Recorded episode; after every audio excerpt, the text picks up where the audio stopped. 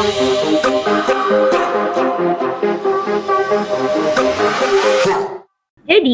um, kali ini mau ngebahas bukunya Mbak Andina Dwi Fatma, judulnya Lebih Senyap dari Bisikan. Kebetulan bukunya baru banget terbit di tahun 2021, tepatnya cetakan pertama di bulan Juni. Wah, ini deket banget sih sebenarnya.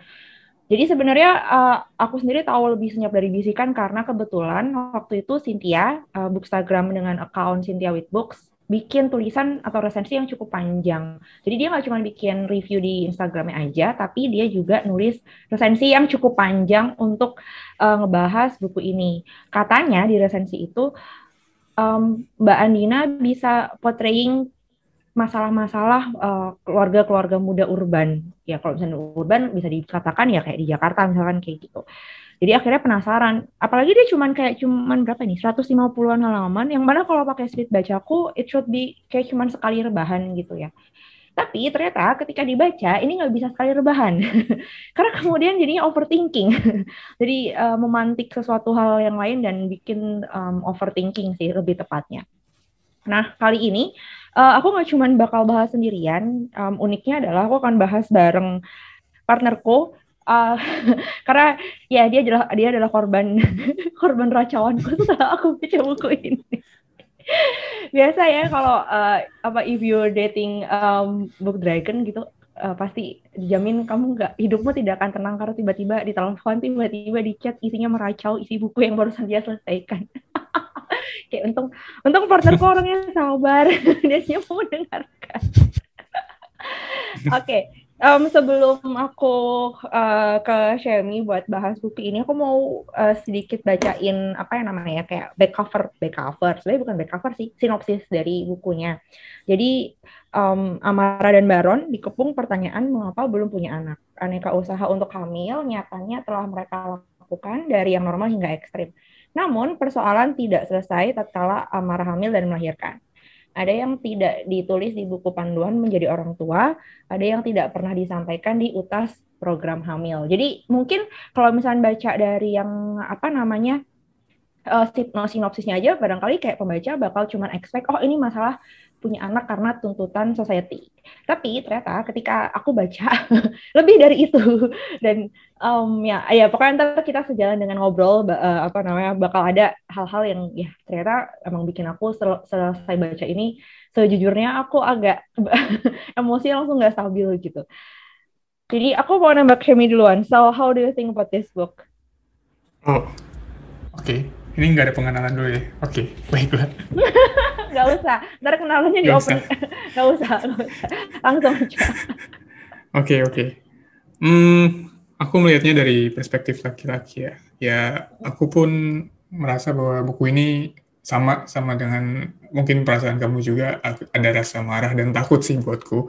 Uh, mungkin marahnya nggak se, se apa ya semarah kamu atau nggak setakut kamu rasa rasanya. Cuman buatku uh, ini emang bukunya tuh beneran apa ya sangat dekat sih dengan hmm. kehidupan. Jadi aku bisa benar-benar melihat gimana ini benar-benar terjadi di ya lingkungan sekitar kita gitu loh.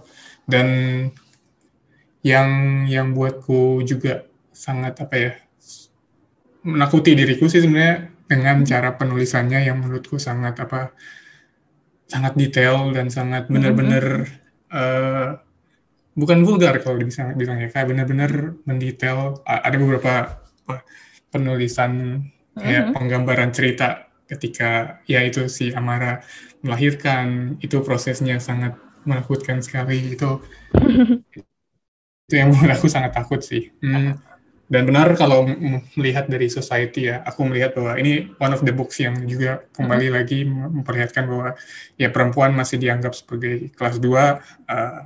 Ya ini ini aku juga mungkin um, mau bilang kalau ya perempuan masih harus uh, mohon maaf gitu perempuan harus masih berhubungan dengan kayak gini dengan yang berkutat dengan masalah kayak gini yang sebenarnya sampai sekarang pun masih hmm. masih ada hmm. gitu loh. Hmm. Okay. Itu sih. Berarti so ya karena karena pandangan dari laki-laki ya pasti beda banget sama ketika aku baca ini hmm. dan apa ya, efek-efeknya di aku setelah selesai baca ya langsung berubah. Yang pastinya aku uh, sejujurnya ini ini aku ngomong kayak gini bukan berarti aku melarang buat teman-teman baca ya. Aku berharap malah teman-teman banyak yang baca karena nantinya akan menjadi sebuah consideration atau masuk pertimbangan ketika kita memutuskan untuk misalkan ya udah menikah punya anak, hmm. beli rumah kayak gitu, begitu ya maksudnya. Jadi um, tapi yang ditawarkan oleh Mbak Andina melalui novel novela ini sangat realistis dan kebetulan ya, aku betul. ya kan kebetulan aku tinggal di Jakarta uh, apa namanya Shemi juga punya teman-teman yang ada di Jakarta dengan kurang lebih ya deket lah ya dengan fenomena yang ditangkap sama Mbak Andina gitu. Hmm. So, nah tapi kan gini bedanya Shem, kamu kan baca setelah aku meracau apakah itu tidak membuat kamu menjadi kayak punya ekspektasi Bias lebih gitu. dulu? Eh, no, expectation sih, lebih ke apa kamu akhirnya punya ekspektasi atau malah kamu pengen membuktikan nih apakah yang aku sempat curhatin ke kamu itu bener ada atau bener kamu rasain gak sih? Hmm, gimana ya? Kalau aku sih melihatnya ya peracauan kamu kan kebanyakan bilang ya mengenai ketakutan kamu yang akhirnya bilang kamu uh, apa memantapkan diri untuk emang yaudah nggak pengen menikah nggak pengen punya anak gitu ya. belum pengen menikah pengen dan nggak punya anak hmm. dan uh, dari situ aku nggak ada ekspektasi sebenarnya cuman aku tahu bahwa uh, aku nggak se mengekspek bahwa uh, ceritanya akan sedekat itu dan benar-benar yang yang benar-benar menakutkan buat buatku sendiri juga itu hmm. ketakutanku adalah ketika ya ini lagi-lagi aku merefleksikan diri sebagai uh, si laki-laki aku nggak melihat bahwa hmm apa yang terjadi di kehidupannya Amara dan Baron itu lagi-lagi nih apa pembahasannya kayak penyampaiannya juga uh, relevan banget dengan dirinya sekarang ya kayak hmm. ngomongin mengenai uh, kehancuran rumah tangganya hmm. dari datang dari ini investment kan yang sekarang lagi benar banget hmm. apalagi lagi booming juga mengenai investment itu sih kalau dari ekspektasiku itu tapi ya aku merasa aku nggak ada expect bakalan seperti itu tapi ternyata setelah setelah baca ya aku aku mengilami mengamini apa ketakutan kamu mm-hmm. itu hmm oke okay. so itu malah kayak kalau misalnya dibilang sama kayak kamu mau validasi kayak oh wajar sih kenapa Hesti yeah, yeah. Uh, setakut itu kan setelah iya, baca yeah, yeah, gitu yeah. ya. Oke, okay.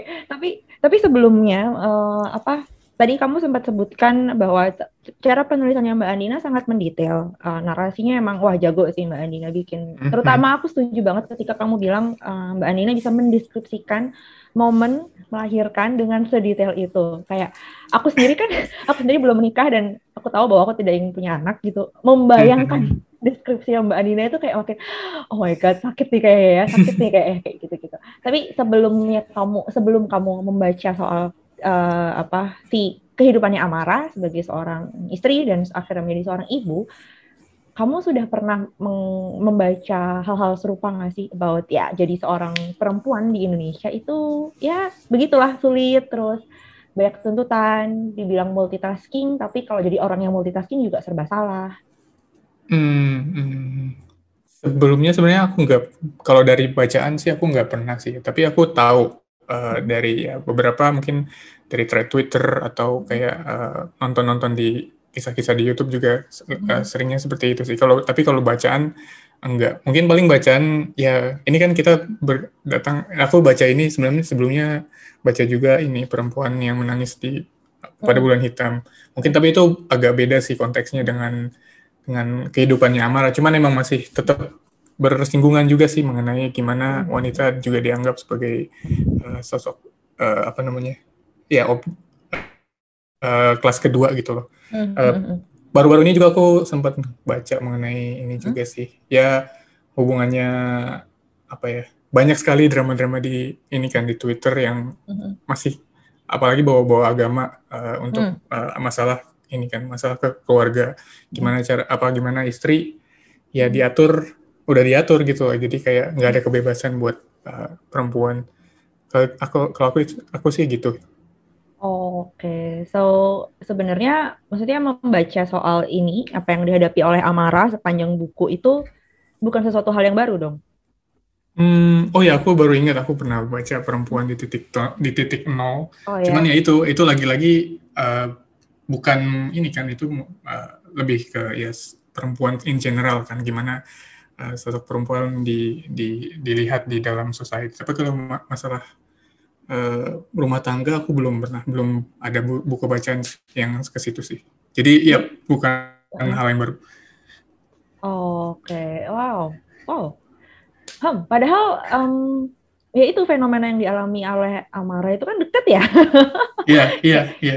I mean teman-teman seumuran kita gitu uh, yang udah pada nikah ya kan kayak mm -hmm. ya hmm, late hmm. twenties goes to thirties gitu kan pada bisa dibilang udah menikah um, mungkin kalau di Indonesia aku ya sebagai seorang perempuan dan tinggal di Indonesia ya bertemu dengan ekspektasi ekspektasi kalau belum nikah tanyain kapan nikah kalau udah nikah kamu akan tanyain kapan punya anak dan dan itu yep, yep. Uh, tidak pernah berujung gitu loh pertanyaan itu gitu jadi kalau ketika aku baca ama, uh, ceritanya Amara si tokoh utama dengan Baron uh, for me it's it's really really close to beneran kayak yang aku temuin hampir setiap hari. Bahkan kalau misalnya aku boleh sedikit curcol ya di kantor pun selalu ada pertanyaan-pertanyaan seperti itu. Begitu mereka tahu usia aku udah segini.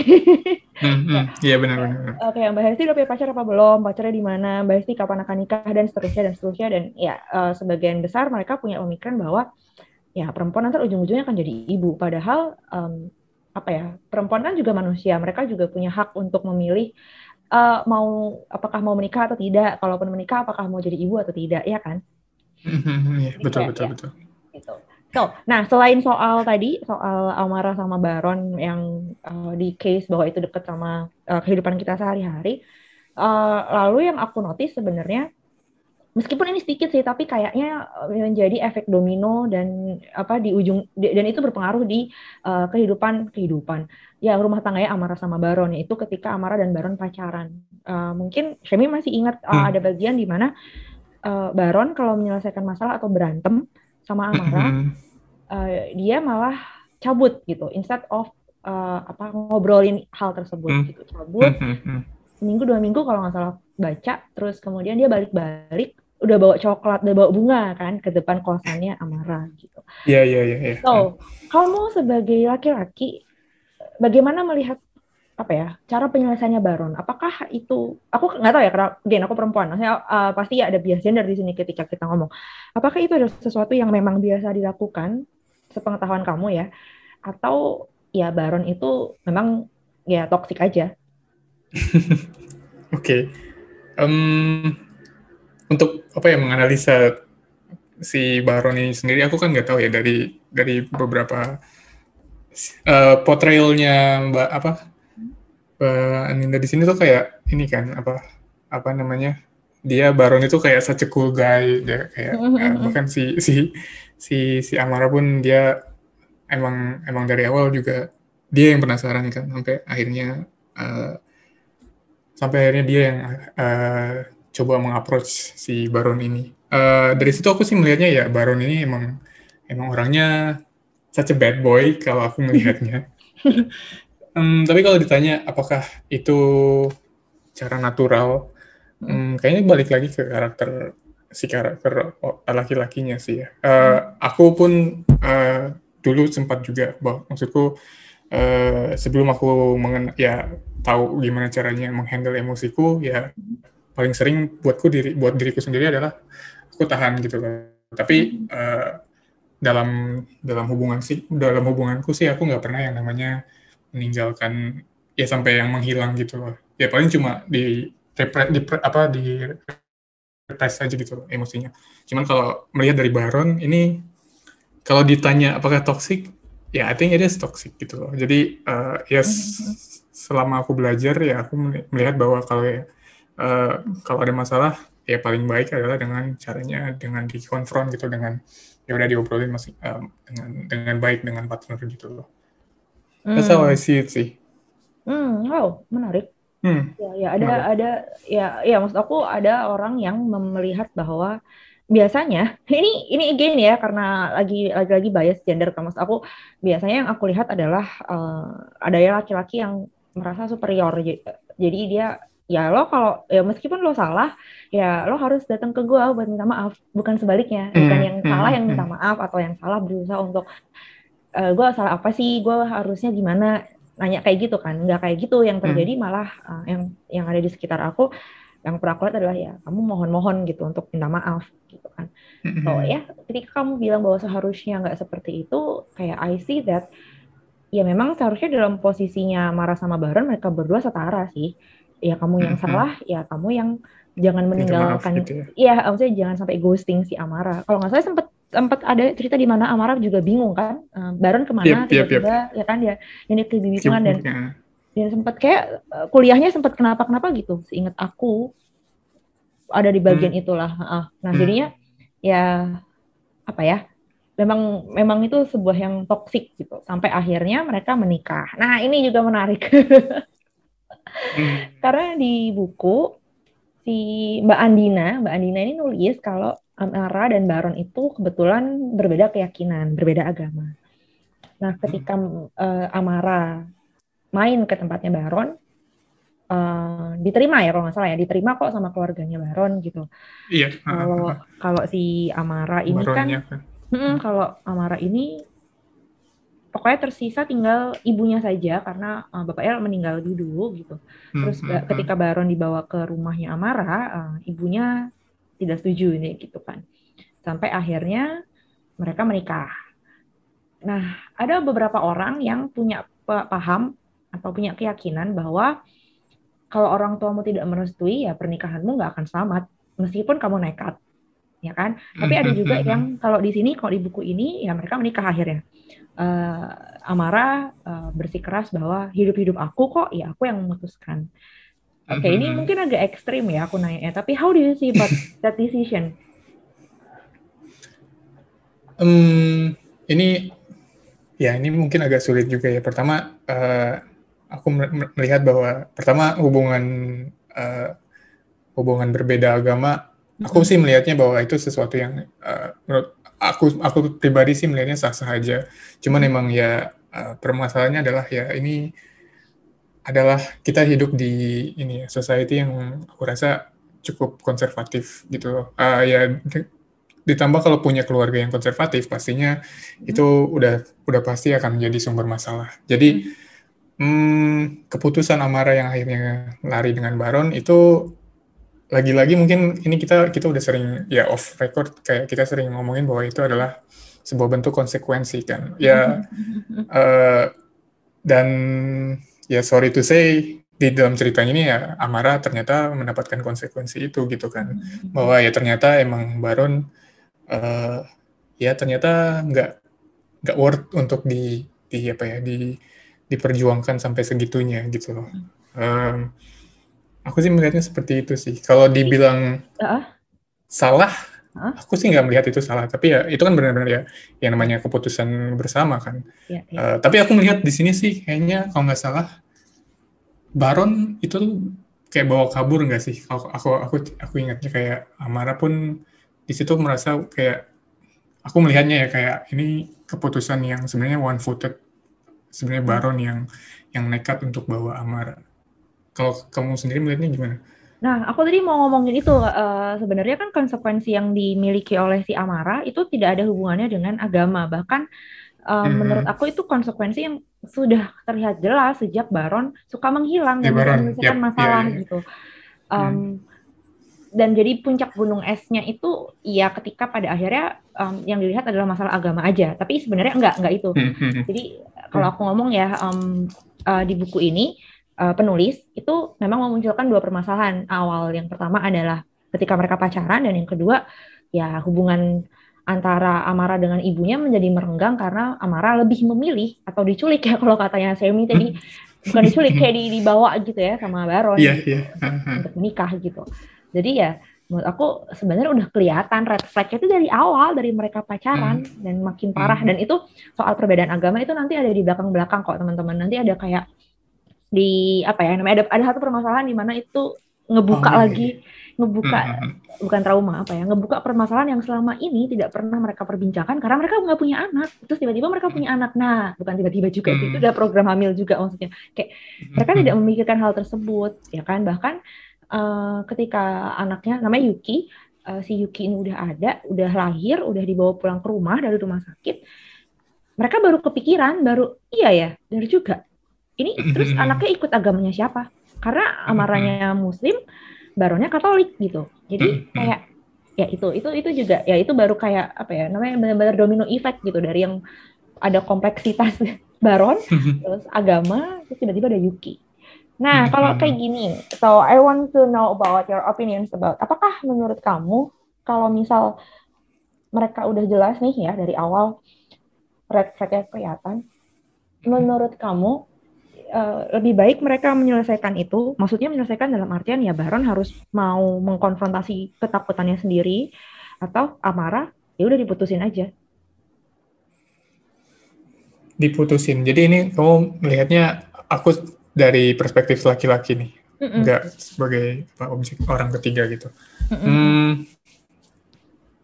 Hmm, hmm, ini aku mungkin bilang ya aku mungkin bilangnya kalau aku pribadi pasti aku bakal pikir pikirnya ya aku akan benahin dulu diriku sampai akhirnya Mhm. benar-benar benar-benar ya siap untuk eh, untuk ke arah ke sana gitu kan. Tapi Mm-mm.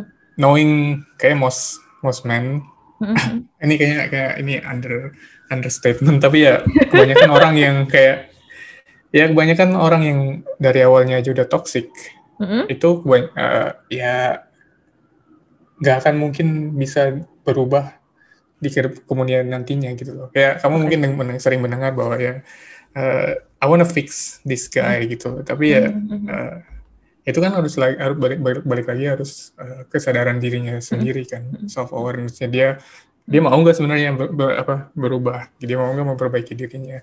Jadi eh, itu sih aku jawabnya seperti itu. Kalau kalau melihat dari sosoknya Baron ya yang Mm-mm. bahkan kabur-kaburan yang bahkan seperti itu aku rasa dia eh, ya mendingan diputusin lah Hmm, Oke, ya memang di dalam buku ini cuman cuman fokus di uh, permulaan masalah, bukan permulaan masalah, backstory-nya terhadap hubungan Amara Baron tuh sangat minim. sedikit ya, bilang ya ya, sedikit uh, banget uh, jadi kayak Hmm. kita sendiri masih belum tahu Baron punya trauma apa sih kok sampai dia tidak berani untuk menyelesaikan masalah Hmm. secara gentleman. Ya Kalau betul, kita betul, boleh kata-kata gentleman ya, mohon maaf karena sebenarnya yang harus menyelesaikan masalah siapa pun yang merasa mereka punya masalah gitu, nggak harus laki-laki tapi semuanya. Iya, iya. So, maksud aku itu gitu. Eh, aku ketika baca dan coba untuk memahami dari perspektifnya Baron, oh eh, ketika pacaran aja udah kayak gitu, udah hilang-hilangan. Kemudian eh, ketika menikah punya Yuki, punya anak gitu ya, terus terhimpit masalah, kabur-kaburan lagi. So I think um, itu pasti ada sesuatu yang dia belum selesaikan, entah trauma masa Hmm. kecil, entah Hmm. ada ada pernah ada masalah sebelumnya gitu ya dan itu akhirnya jadi Hmm. kayak bener-bener gunung es dan baru kelihatan ketika mereka menikah si Amar sama Baron menikah oke Nah, Hmm.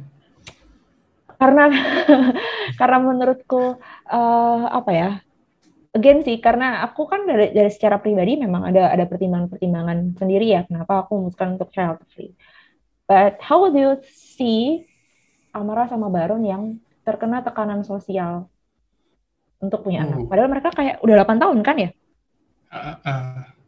berapa tahun? Ingat Aku aku, lupa tuh- sih. ingatku 8 tahun deh. Ya oke, anggaplah kayak Hmm, udah lebih hmm. dari udah lebih dari udah lebih dari Oh empat iya, iya, tahun aku lah ya. Hmm. Mereka hidupnya eh, bahagia dengan cuman mereka berdua aja itu sempat banget dibahas kok di depan-depan gitu kan. Yep, iya, iya, iya, betul. Karena berkali-kali ditanyain, akhirnya mereka give up, menyerah dengan eh, tekanan dari society. How do you see that? Hmm.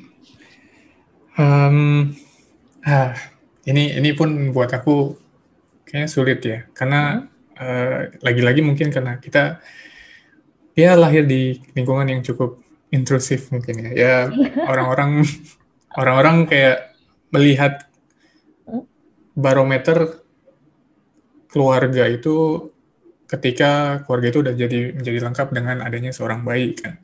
So orang pasti akan melihat itu tuh dan kita sebagai orang sebenarnya harusnya beneran punya ini ya, punya integrity yang ya udah kalau kita udah strict dan firm gitu dengan putusan kalau ya udah kita nggak mau ya, ya harusnya kita nggak mendengarkan society itu karena again society bakalan selalu nuntut kayak oh ya dari dari pacaran pasti ya selalu bahkan aku pun sekarang aku udah memahami bahwa kayak beberapa beberapa hari ini eh beberapa hari lalu kayak temanku baru punya anak aku selamatin terus eh, the first respon pasti langsung kayak cepet nyusul. Padahal kayak aku kan ya kan belum tahu kalau aku juga pengen nyusul pertama dari ya kalau nikah juga kayak gitu kan kayak mm-hmm. kalau ketika nyelamatin orang baru nikahan pasti mm-hmm. pasti di, dibilangnya ya udah cepet nyusul padahal mm-hmm. again mungkin orangnya juga enggak enggak enggak pengen mm-hmm. gitu ya itu itu one of the things yang menurutku yang aku aku melihat bahwa ya society akan selalu mengejar kamu untuk uh, being apa ya being uniform gitu dengan mereka dengan ya mereka kita harus bisa bareng-bareng apa kita harus hidup uh, kayak sama-sama dengan mereka dengan, ya dengan standar mereka seperti itu sih. Aku melihatnya seperti itu sih. Hmm oke. Okay. tapi dari pandangan kamu sendiri nih kamu merasa punya kontrol nggak sih untuk memutuskan enggak dan enggak dan iya untuk ya itu? Kayak kamu kan tadi bilang society punya kecenderungan untuk menyeragamkan kita semua. Karena being outliers itu selalu dianggap hmm. aneh kan gitu. Tapi hmm. kalau dari kacamata pribadimu, kita tuh punya nggak sih kendali atas itu? Ya, tentunya lah. Itu kan ini ini adalah hidup kita gitu kan. Yakin. kamu kamu tadi ngomong well, di depan. Kamu ngomong di depan bahwa sebenarnya ya kita hidup pada suatu uh, society yang di Indonesia sendiri gitu. Society yang punya tuntutan dan standar tertentu mendefinisikan keluarga seperti itu gitu. So makanya aku balikin kamu kamu, kamu merasa punya kuasa atas itu. Ya harus kita harus punya kebebasan itu dong. Walaupun kita hidup di dalam ya di dalam lingkungan ini tapi kan kita punya kebebasan. Itu ini hidup kita loh bukan hidup mereka gitu. Jadi okay. ya, ya again emang kita hidup di society dan itu this is gonna be easier to set dan dan tapi ya ya kita harusnya punya apa punya itu lagi-lagi uh, firm uh, sebuah ya itu apa keputusan yang ya udah kita harus harus benar-benar kuat dalam menahan atau apa menolak ya society itu. Emang emang aku akui akan sulit sebenarnya. Mm-hmm. hmm. ya ya ya dan bahkan kamu saja yang laki-laki yang di mana di ya di this male dominated world gitu ya masih merasa bahwa sulit apalagi aku sebagai perempuan. Iya, iya, aku aku tahu, aku kebayang. Hmm. Ya kan untuk uh, bahkan untuk mengatakan nggak cuma di kantor yang sekarang tapi di kantor yang dulu ketika aku sudah firm buat uh, buat bilang bahwa emang gue mau punya anak gitu pandangan-pandangan aneh selalu langsung tertuju kayak lo serius nggak mau punya anak yeah, yeah, yeah. jadi when I said ya ketika kamu ngomong bahwa ya kita harus punya kendali like this ya kita harus bisa benar-benar memperjuangkan kebebasan kita untuk memilih either mm-hmm. apakah mau menikah atau tidak apakah ketika menikah mau punya anak atau tidak tinggal sama orang tua atau enggak ya kan hal-hal seperti itu mm-hmm.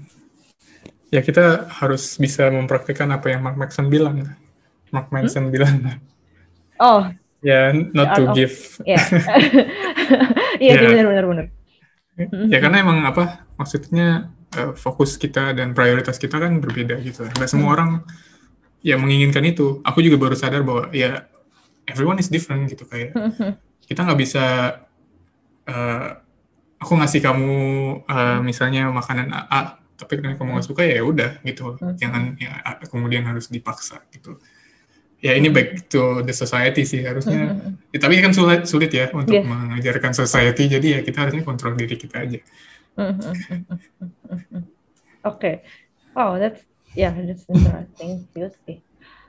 Ah, nah selanjutnya sebenarnya ketika ada juga yang menarik yang ini gila sih menurut aku ya novel yang novel yang cuma 150 halaman compact banget isinya dan triggering so much karena nggak cuma hmm. masalah si Mbak Andini ini nggak cuma ngedetailin ketika Amara melahirkan teman-teman tapi juga ketika Amara mengalami baby blues Tuhanku aku oh my God, yeah, yeah. like seriously aku nggak kebayang beneran nggak maksudnya nggak kebayang rasa sak sakitnya mesti itulah ya uh, apa ya beban di kepala kayak um, takut sendiri, menjadi seorang ibu takut iya, gagal kayak, menjadi seorang ibu hmm. nah itu kan um, aku mungkin ini ini sama sekali tidak bisa ini sama sekali tidak bisa dibandingkan tapi back and forth ke psikolog dan ke rumah sakit yang pernah aku laku yang aku pernah aku lalui dulu itu melelahkan gitu sekarang kalau misalkan ini kayak baby blues kayak something beyond that kamu sudah kamu punya tanggungan bukan tanggungan ya kamu punya seorang bayi gitu loh yang harus juga di take care of dengan penuh kasih sayang terus dan kamu juga harus menjaga dirimu supaya tetap waras wow wow that's hard gitu mm. How do you see about that baby hmm. blues? Kamu sebenarnya apakah sudah pernah baca-baca soal ini atau bahkan mungkin pernah mengetahui secara langsung kasus serupa? Actually aku pernah sih ngeliat kalau nggak salah uh, Baby Hmm. Blues dan Mhm. ya you know uh, mungkin di tweet uh, kalau nggak salah Hmm. itu di Twitter atau Instagram aku lupa ya Mhm. sampai yang benar-benar si ibunya yang hampir benar-benar ya apa yang ada di scene di buku ini tuh beneran terjadi Mhm. di real life gitu loh. Uh, aku untungnya sih belum pernah menemukan sih ya, Hmm. belum pernah kayak bertemu dengan kejadian itu di uh, di dunia nyata. Tapi Mhm. itu aku baca ini pun cukup scary dan aku aku baru ini sih baru baru kemudian ya melihat gimana oh ini benar-benar apa ya untuk perempuan emang secara psikologis benar-benar sampai sampai se apa ya semenakutkan itu gitu sampai Mhm. bisa mengubah bisa sampai ke sana gitu kan ya bisa punya pemikiran ke sana kan itu berarti sangat menakutkan sekali apa yang apa yang ada di pikiran uh, perempuan-perempuan ini gitu loh Mhm. aku sebenarnya gitu Oke. Iya, soalnya beneran men- menakutkan. Aku selama ini cuma tahu kejadian-kejadian, ya sama kayak kamu sih, kayak dari Twitter, dari Instagram, dan Mhm. sayangnya media sering kali media bilang seorang ibu tega melukai anak bayinya yang masih dua bulan.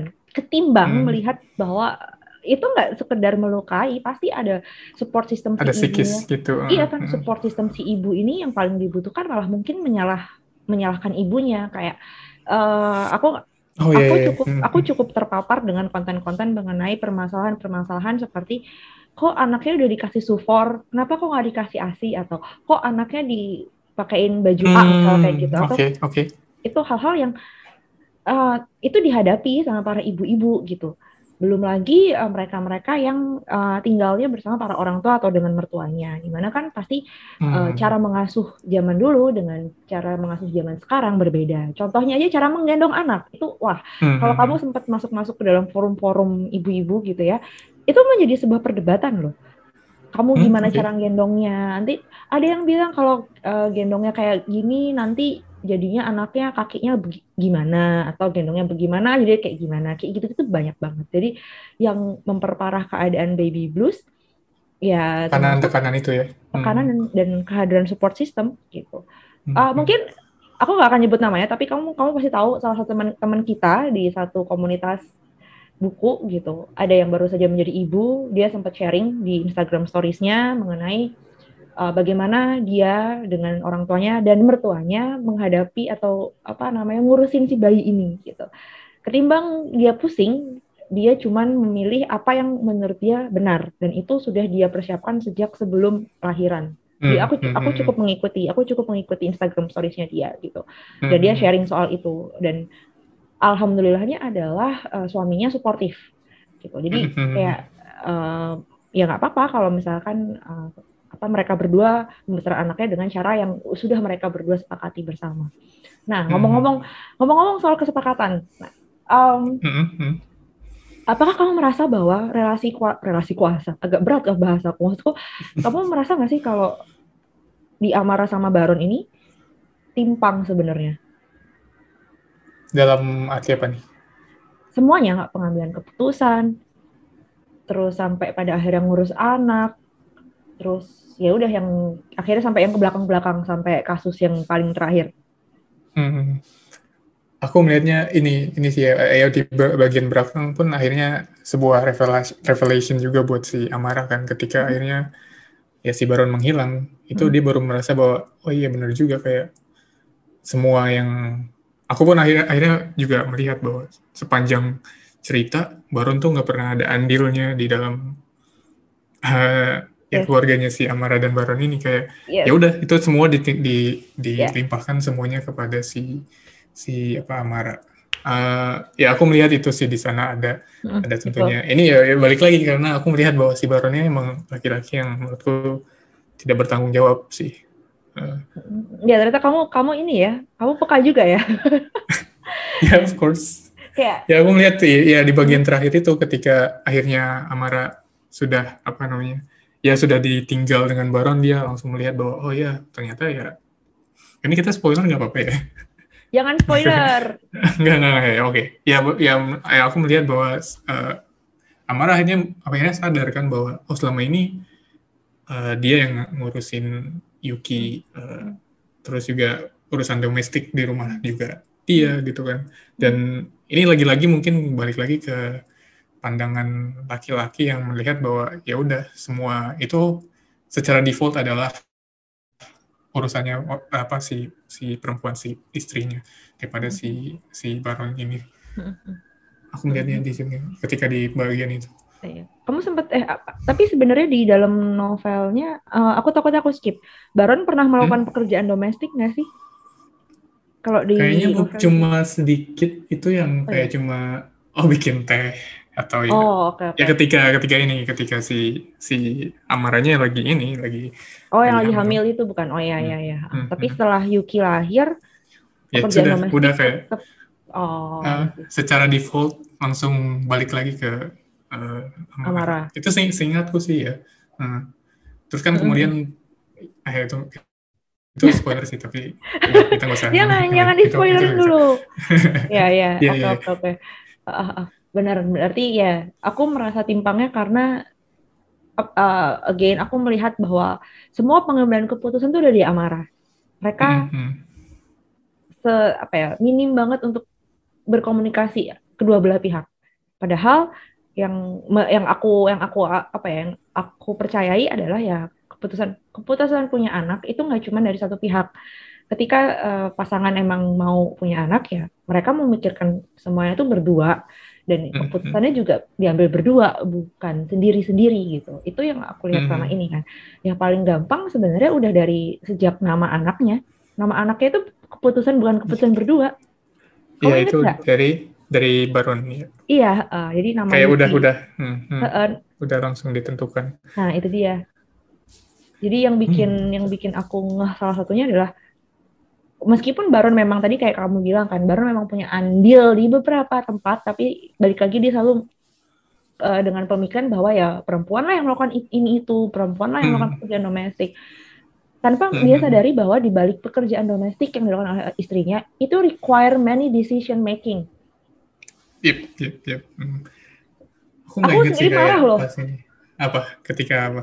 Ya aku sendiri marah ketika di belakang-belakang kan. Amara mm-hmm. uh, apa namanya si baronnya pulang kerja dan ya mungkin ini seperti yang pernah dilihat oleh teman-teman mungkin di di apa ya sebagian besar media uh, yang punya sinetron gitu ya.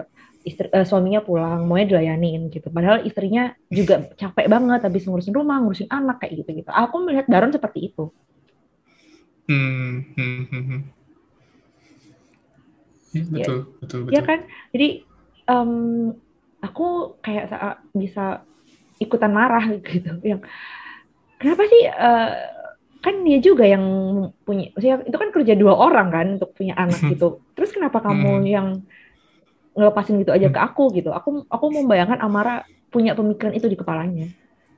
Aku jadi ini deh. Apa?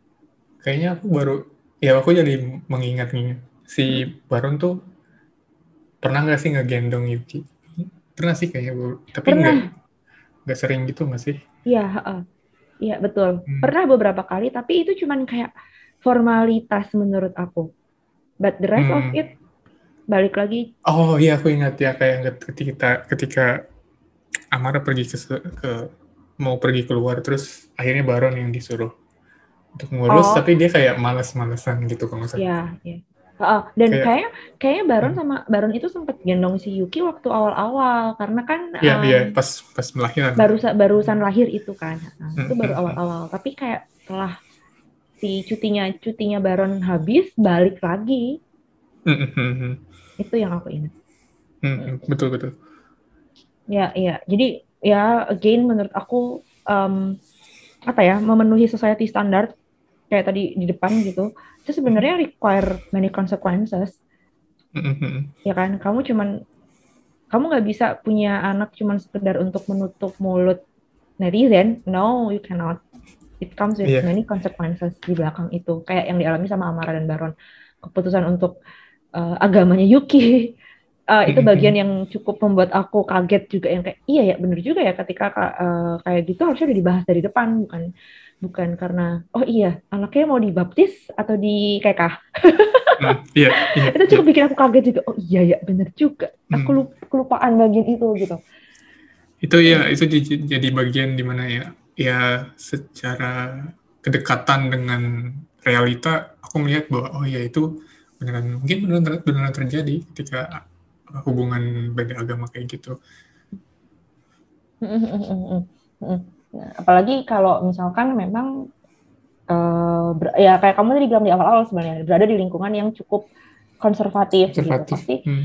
pasti hmm. require many things gitu kan ketika si ada bayi lahir ada anggota keluarga baru lahir nih gitu Mm. Uh, entahlah tapi kalau aku di apa ya, di Jawa gitu kan emang ada namanya umur tujuh tujuh bulan tidak sinten tuh umur berapa ya pokoknya ketika anak bisa jalan gitu harus ada namanya tidak sinten kayak gitu pacara kayak gitu gitu wah itu mm. belum termasuk kalau anaknya uh, lahir uh, apa muslim gitu kan kayak kahan gitu kayak gitu gitu mm. ada banyak banget perintilannya yeah, yeah, yeah. dan itu sebaiknya juga di dipikirkan nggak nggak cuman sekedar kamu punya anak selesai.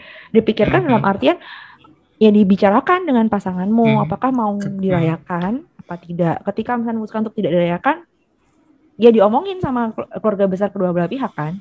Karena kayak yang di Amara sama Baron ini kasusnya kan tiba-tiba ada salah satu orang tuanya, aku nggak mau spoiler lebih banyak sih. Ada salah satu yang datang ke rumahnya mereka. Lalu tiba-tiba menjajah rumah mereka. itu bagian yang bikin aku agak tapi emang bener kejadian loh. Iya, makanya secara realita itu benar-benar dekat dengan kehidupan nyata sih menurutku ya. Pasti ada ada aja orang tua yang seperti itu gitu. Oke, okay. so ya. Yeah. Kita move ke bagian-bagian belakang nih. Nah, ini um, aku akan sedikit kasih spoiler ke teman-teman yaitu um, masalahnya adalah soal penipuan. Aku nggak mau. Tadi kamu sendiri sudah ngomong sih, Shem, yang depan-depan. Oh iya. Jadi sebenarnya kan permasalahan oh, ini adalah penipuan kan. Ada ada satu part di mana ada penipuan tertentu gitu. Terus kemudian uh, hidupnya langsung berubah 180 derajat. Uh, nah, di sinilah yang menurut aku um, konflik yang paling menyulitkan Amara sih, bukan bukan Baron menurutku.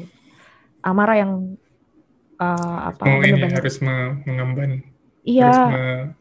Sebagai kepala keluarga. Nah, yang aku ingin tanyakan ke kamu nih sekarang soalnya dari dari kasus dari kasus penipuan itu yang kelihatan banget gentleman-nya itu malah amarah gitu kan mm -hmm. ketika itu um, masalah datang uh, amarah menawarkan bantuan tapi Baron menolak sebenarnya Baron mm -hmm. pokoknya sempat dia sempat bilang mengenai kamu tuh istri kamu tuh istri saya maka kamu ditanggung jawab saya apa gimana gitu aku lupa pokoknya yeah, yeah, yeah.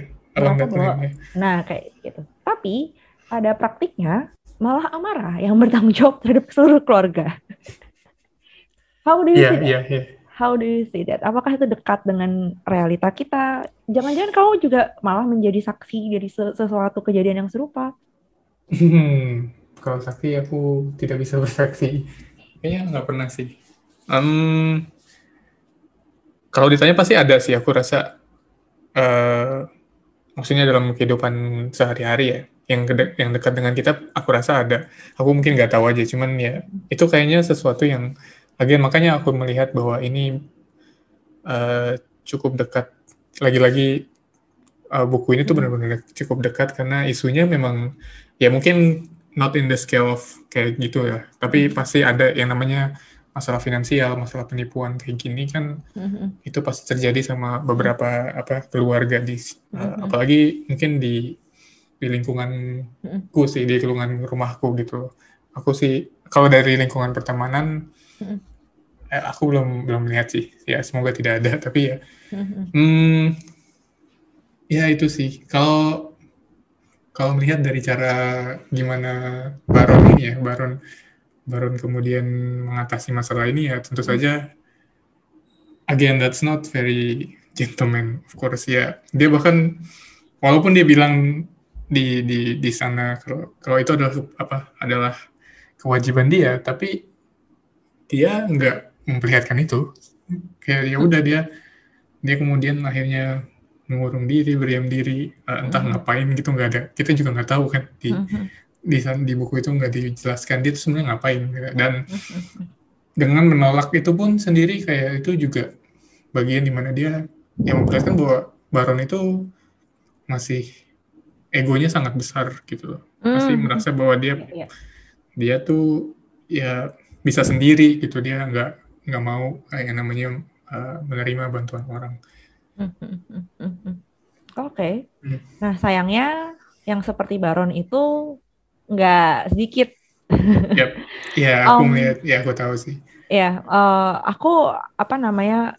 Aku kan tahu dari kamu kan yang waktu uh, Gita Saf nge-share soal aki-aki trash di Instagram story-nya dan beberapa mm -hmm. bagian ya kurang lebih menyatakan bahwa uh, uh, ya yang laki-lakinya malah tidak menafkahi oh, iya. secara iya. materi, tidak menafkahi hmm. secara materi keluarganya gitu.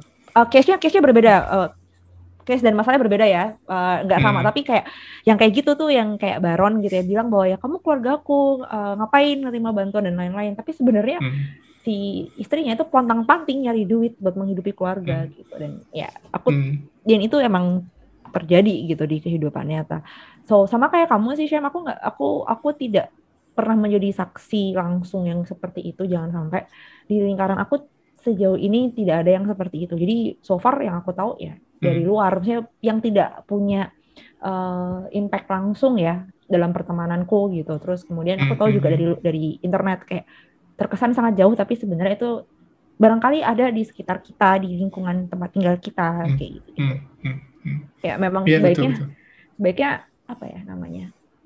Kalau aku melihat ya masalah utamanya adalah komunikasi.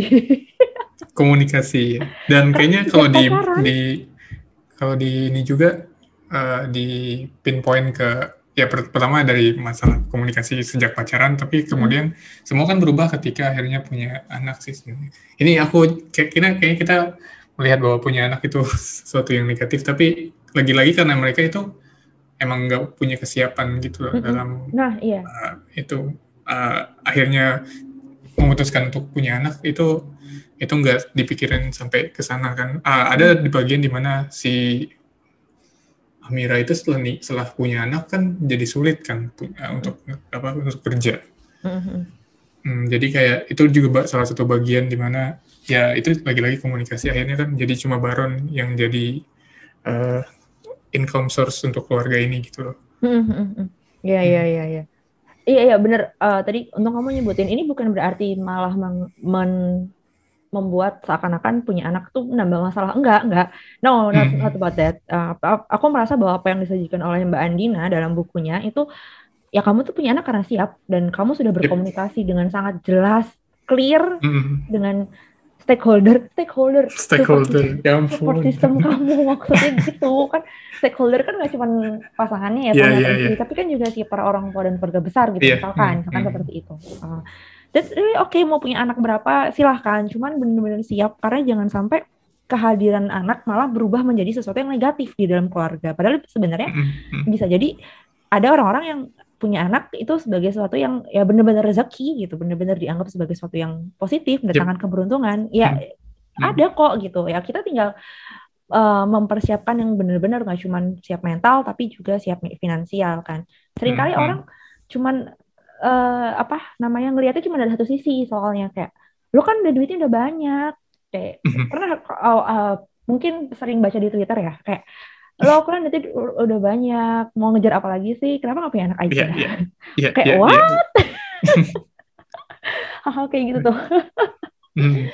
ya so, benar juga benar iya iya dan um, apa namanya di bagian belakang belakang gitu uh, yang bilang makin dekat sebenarnya ada lagi yaitu tempat tinggalnya Amara setelah kejadian yang menimpa hmm. hidup mereka itu di kontrakan hmm. petak kebetulan aku di tempat tinggalku sejak aku di Tebet terus aku pindah ke sekarang ke Jakarta Barat gitu um, apa bersisian sama ya itu yang aku bilang rumah petak jadi ketika bagian itu sebenarnya aku bisa membayangkan aku bisa membayangkan bagaimana kehidupannya Amara Yuki Baron yep, yep, yep. terus mm -hmm. punya tetangganya si Macan ya namanya yang macan, pakai yep, legend yep. Macan itu uh, bagaimana kehidupannya si Macan gitu aku kebayang banget kayak aku bisa visualisasi itu di kepala karena kebetulan tempat tinggalku sekarang itu dekat sama kontrakan petak. Aku nggak kebayang hidupnya jungkir balik kayak gitu. Like wow dari hmm. yang dulunya enak ya, pertama hidup berdua hmm. doang dengan uh, dua gaji, dua gaji kan hmm. saya kayak hmm. Amara masih kerja, hmm. Baron masih kerja, terus kemudian punya anak dan sebelum ada ada kasus tersebut mereka hidupnya enak banget, terus pindah aku aku merasa lebih empati dengan teman-teman atau ya orang-orang yang struggling di situ karena ya siapa tahu mereka pernah mengalami apa yang dialami Amara.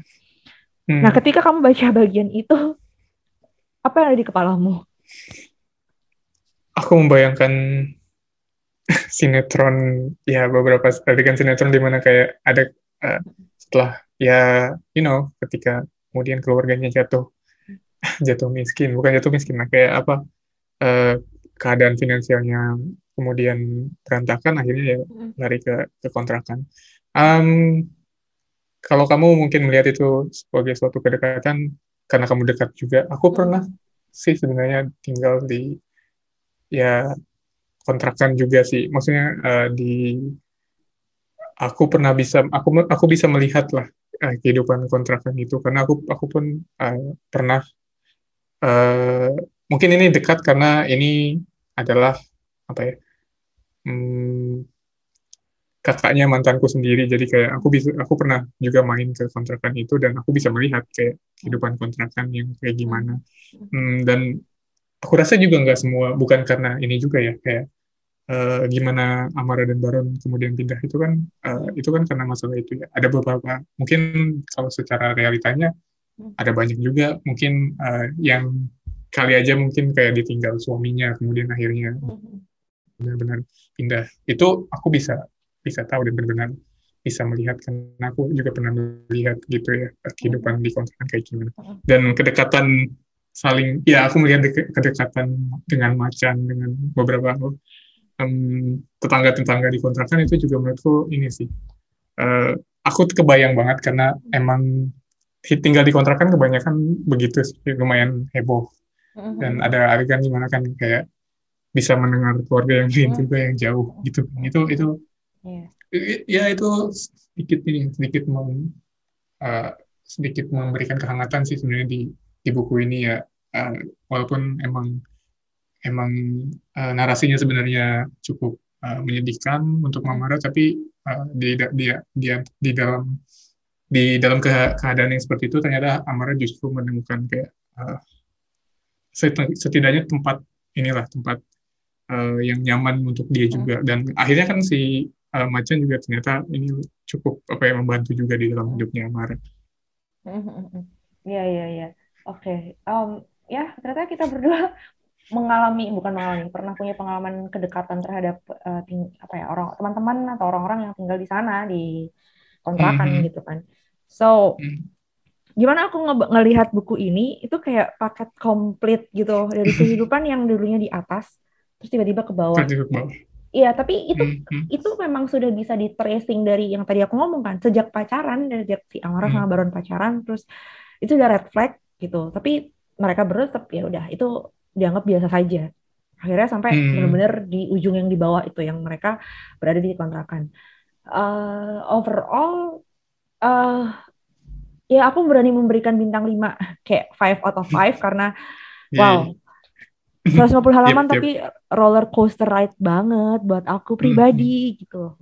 Bener-bener dari kacamata seorang perempuan ya. Misalnya nulisnya ditulis oleh penulis perempuan uh, hmm. dan hmm. tokoh hmm. tokoh pertamanya adalah perempuan dari sudut pandangnya pakai sudut pandang Amara kan ya. Mm-hmm. Yeah, uh, yeah.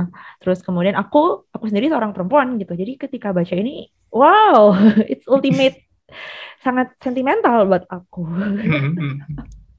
Nah kalau di kamu apa kamu merasa ya tadi kayak kayak aku kan aku merasa golakan emosinya naik turun banget. Kamu ketika menyelesaikan ini gimana? Sempat bengong atau malah kepikiran sesuatu atau gimana? kayak dari dari awal aku baca dengan penulisan yang cukup apa mendetail uh, agak vulgar, vulgar juga pas di awal-awal gitu ya aku uh, aku kaget sih apa oh ternyata ini ya apalagi pas masuk ke dalam bagian ini kan yang scene uh, ketika lahiran itu aku langsung kayak terbengong juga oh se separah itu kan dia dia juga menarasikan bahwa itu enggak enggak se, se itu ternyata se, ter, apa lebih sakit dari apa yang dia dia pernah dengarkan atau dia dia baca dari beberapa pengalaman orang-orang kan. Hmm, tapi se se sepanjang membaca, aku sih ya pertama pasti juga kesal. Aku aku aku menyadari, aku aku mengerti lah kesalahan kamu sebagai perempuan. Ya aku mm-hmm. karena ini kan narasinya uh, dari sudut pandangnya Amara, jadi aku aku melihat aku me merefleksikan juga gimana Amara merasakan semua itu. Kedua mm-hmm. dari aku sebagai laki-laki pastinya melihat Baron adalah aku berefleksi diri.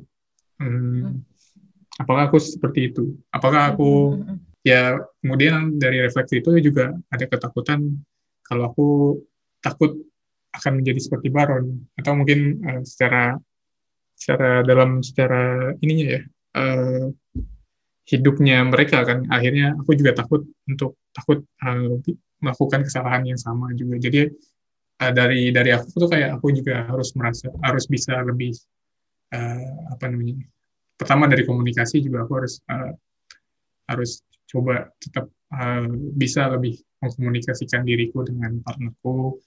Uh, terus juga dari mengambil keputusan juga jangan gegabah jangan jangan apa ya jangan mikirin cuma diriku sendiri karena ini ini ketika kita udah tinggal bersama kan itu berarti adalah keputusan uh, yang harusnya diambil bersama juga.